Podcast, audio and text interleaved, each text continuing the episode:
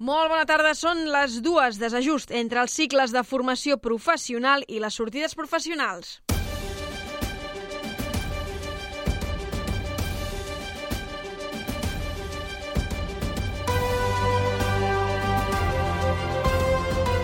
Notícies migdia amb Helena Molist.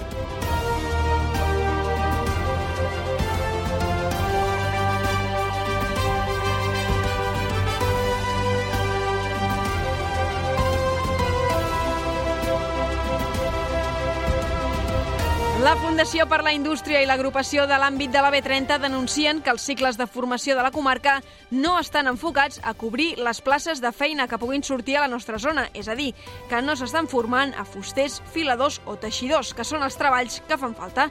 Així ho ha expressat Núria Imeric, secretària general del Gremi de Fabricants. Les necessitats de les empreses van molt ràpides i el sistema és moltíssim més lent. També us portem l'agenda d'aquest cap de setmana que ve carregadíssim d'activitats. Obres de teatre, música, curses i fins i tot, atenció, una festa andalusa. Tot plegat us expliquem en 15 minutets amb la feina del Departament d'Informatius i amb la reina de Ràdio Sabadell, la Beatriz Aguilar, al control tècnic. Notícies migdia. La informació en 15 minuts. Els serveis. Fem un cop d'ull primer al transport públic amb l'Héctor Molines. Bon dia. Molt bona tarda. Doncs divendres on destaquem a hores d'ara a Rodalies diverses afectacions. D'una banda destaquem que s'ha restablert la circulació de trens a la línia R4 entre Terrassa i Sant Vicenç de Castellet, els quals recuperen progressivament els horaris i les freqüències de pas del servei. D'altra banda, des d'aproximadament dos quarts de deu del matí s'ha restablert completament la circulació entre Bellvitge i Sants i els trens del corredor sud de Rodalies recuperen les freqüències de pas habituals. De moment, la resta de la xarxa, tant ferroviària com de bus, funciona sense cap altra incidència destacable. Molt bona tarda del Transmet.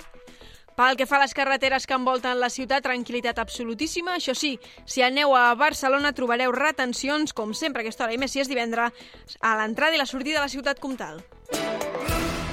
La notícia del dia.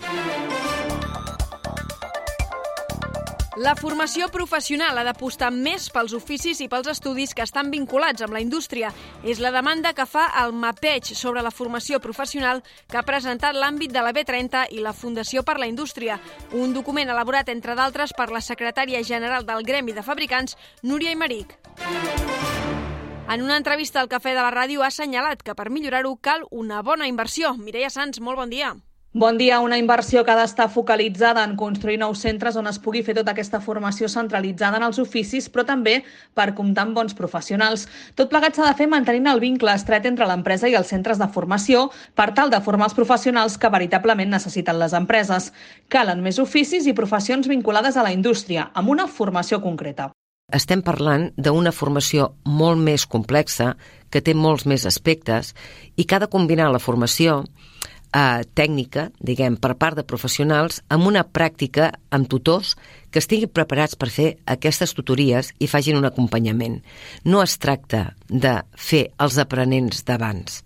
Avui, per les característiques dels llocs de treball, eh, la formació dual és molt més complexa i requereix de més inversió i de més dedicació. Però a més s'ha de fer ràpid i precisament aquesta rapidesa és una gran mancança de l'administració que s'accentua de manera dràstica en aquests canvis formatius hi ha una, hi ha una problemàtica molt important d'intensitat, de, de, de velocitat entre l'oferta i la demanda. Les necessitats de les empreses van molt ràpides i el sistema és moltíssim més lent. El MAPET ha servit també per fer una radiografia de la formació professional a l'àmbit de la B30 i ha determinat que actualment hi ha més de 500 cicles diferents entre graus mitjans i superiors. Els que tenen més demanda són els que estan relacionats amb la salut, la gestió, l'electrònica o l'activitat física. I seguim parlant de formació, d'educació, perquè el nivell lector dels alumnes de l'escola Badruna al Carme ha estat reconegut per Fiction Express.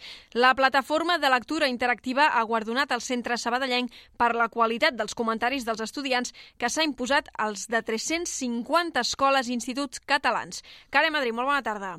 Bona tarda. La plataforma Fiction Express té diferents funcions. D'una banda, ofereix lectures breus als alumnes, unes obres on ells en poden decidir l'evolució i el final. De l'altra, un fòrum, on els estudiants fan comentaris i, si estan ben fets, poden acabar parlant directament amb els autors. Judit Figueres, una de les alumnes de l'escola Badruna al Carme, assegura al programa al matí que ha pogut superar el seu bloqueig lector. Al ser una història que és més reduïda i més curta, és com que passa més ràpid, no? Llavors, a mi el que em costava sobretot era quan jo veia un llibre de 360 pàgines, és com que, buah, em tirava enrere i, i al començar a llegir, potser els primers tres capítols no passava res de la història principal d'aquest llibre, no? Llavors, en el cas del Fiction Express, com que són tan curts, el primer capítol ja comença tota la trama i tota la història, i això també t'enganxa a seguir llegint, perquè saps que en cinc capítols tot aquest nus es resoldrà al final i, i això m'agrada. Tant alumnes com professors coincideixen en apuntar que la plataforma permet aprendre gramàtica i ortografia, però també fomenta la creativitat.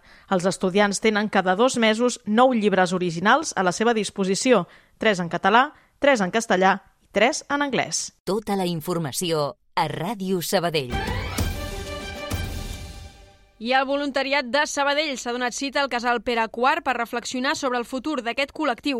La jornada, que ha portat per nom Repensar per transformar, ha tingut l'objectiu de plantejar-se els principals reptes del col·lectiu i de posar en valor també la seva importància en la societat actual. Núria Garcia, bona tarda. Bona tarda, Helena. De fet, la proposta va néixer ara fa un any per treballar aspectes comuns que afectaven les més de 3.000 persones voluntàries que hi ha actualment a Sabadell. Una de les organitzadores, Auxi Gil, voluntària de l'Hospital de Sabadell, ha explicat l'objectiu de la proposta. I una mica la clau poder-ho fer de manera compartida, eh, que és el que té, per agafar perspectiva, perquè cadascú estem al nostre àmbit, la nostra reivindicació, el nostre problema, les coses de casa nostra, i segurament hi ha molts elements comuns. Per això vam plantejar ja fa un any la necessitat de fer una jornada i de fer un espai de reflexió i treball en el que estiguessin tots barrejats.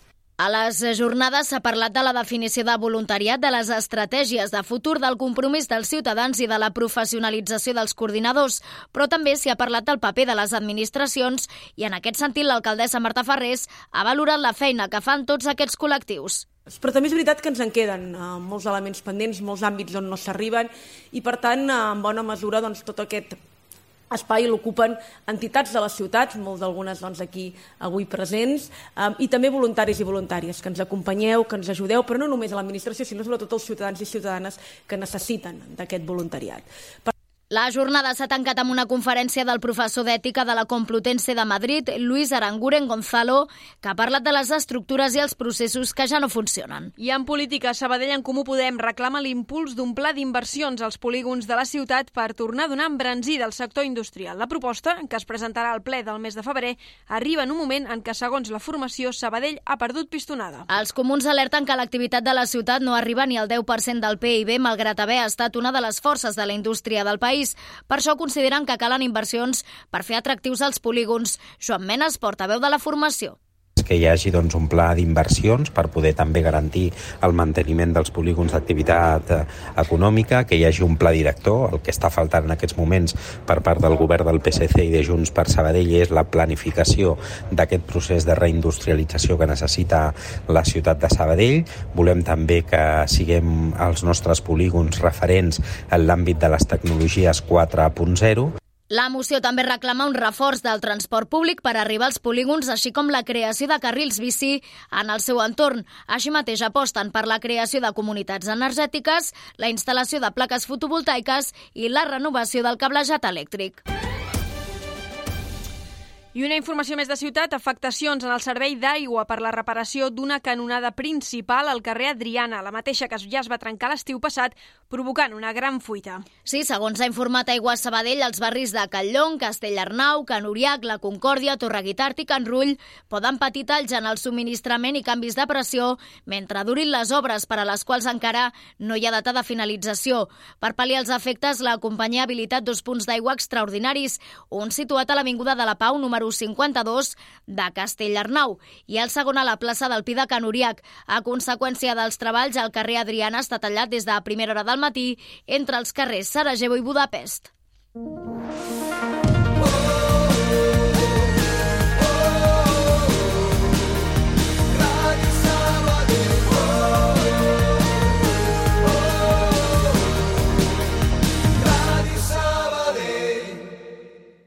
Catalunya està en emergència per sequera. Després de 3 anys sense pluges, les reserves dels embassaments i els aqüífers han anat baixant progressivament, passant del 80% fins al 16% actual. Pots consultar les restriccions del teu municipi al visor de la sequera entrant a sequera.gencat.cat. A més, recorda que pots contribuir a l'estalvi d'aigua amb molts petits gestos. Tanca l'aixeta mentre et rentes les dents. Prioritza la dutxa en comptes de la banyera. No facis servir el vàter com si fos una paperera o posa la rentadora quan només és plena. Estalvia aigua. És urgent. És un missatge de la Generalitat de Catalunya amb la col·laboració de Ràdio Sabadell. Taxi Més ara t'ho posa més fàcil. Pots demanar un taxi a la teva ciutat per WhatsApp al 608 48 30 02. Recorda, 608 48 30 02. Més informació a taximés.com. Taxi! Radio Taxi Sabadell, el teu taxi de referència a Sabadell.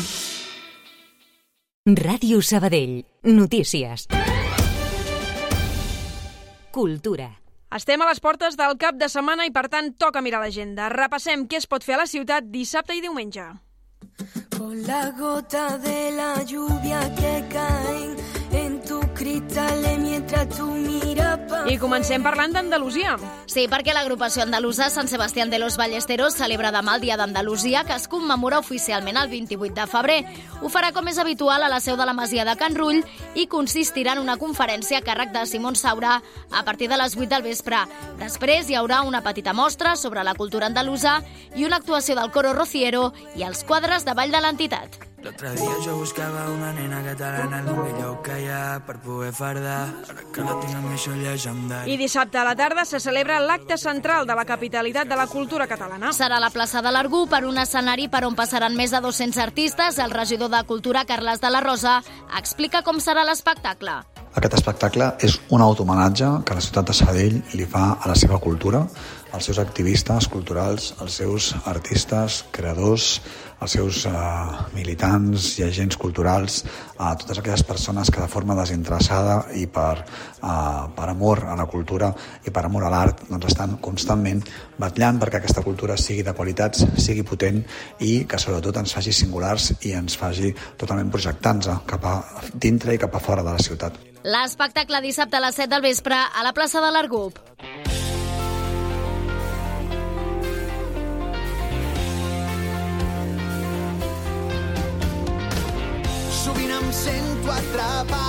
I poques hores més tard, al Teatre Sant Vicenç s'estrena l'obra Cop de Rock, una adaptació del musical de Dagoll de Gom. Aquesta obra és un cant a la llibertat, les ganes de trencar barreres i les ganes de canviar el món. El director de l'espectacle, Jordi Brunet, explica l'argument al programa al matí.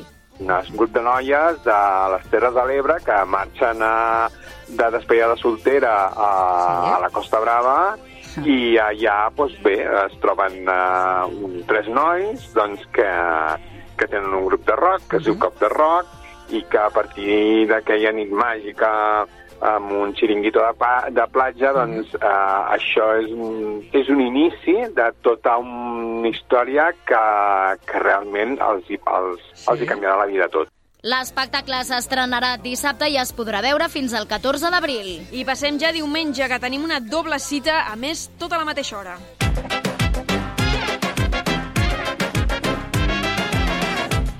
Diumenge se celebra la 14a edició de la Festa del Parc Agrari. En el marc de la celebració, l'Ajuntament, en col·laboració amb la Unió Excursionista de Sabadell i l'Esplai La Ganyota, plantarà 100 oliveres de la varietat local Vera del Vallès. La inscripció és gratuïta i oberta a tothom. I a la mateixa hora a la plaça de la Creu Alta comença la cursa Corro contra el càncer. When I was a young boy living in the city, all I did was run, run, run.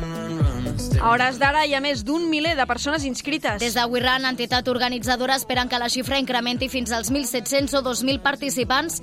Tots els diners recaptats es destinaran a l'Associació contra el Càncer.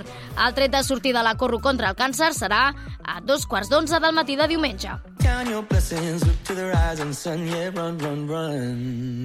I tanquem el Notícies d'avui amb la música dels Flashy Ice Cream, que avui han presentat nou disc del qual en forma part aquest A qui trucaries?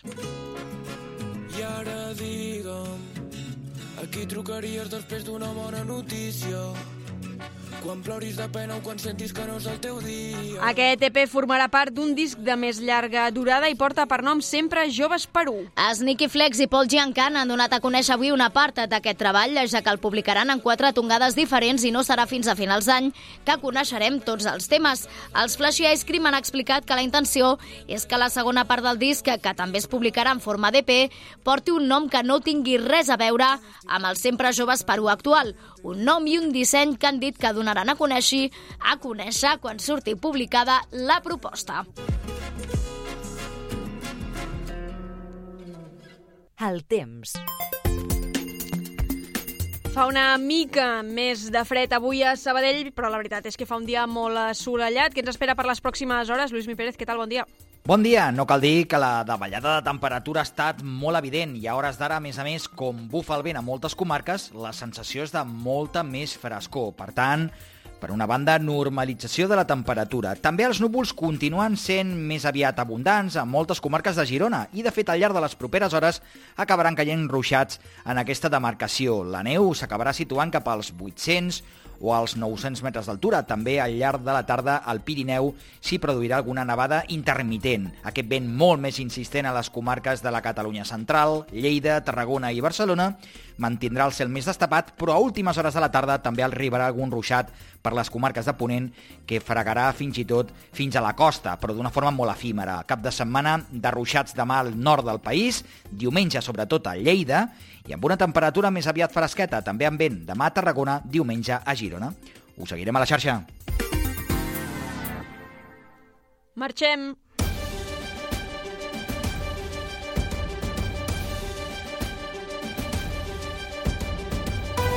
Podeu seguir informats al portal de radiosabadell.fm on també trobareu aquest estupendo podcast per si us el voleu tornar a escoltar o el voleu enviar a qui vulgueu. Que vagi molt bé el cap de setmana. Adeu!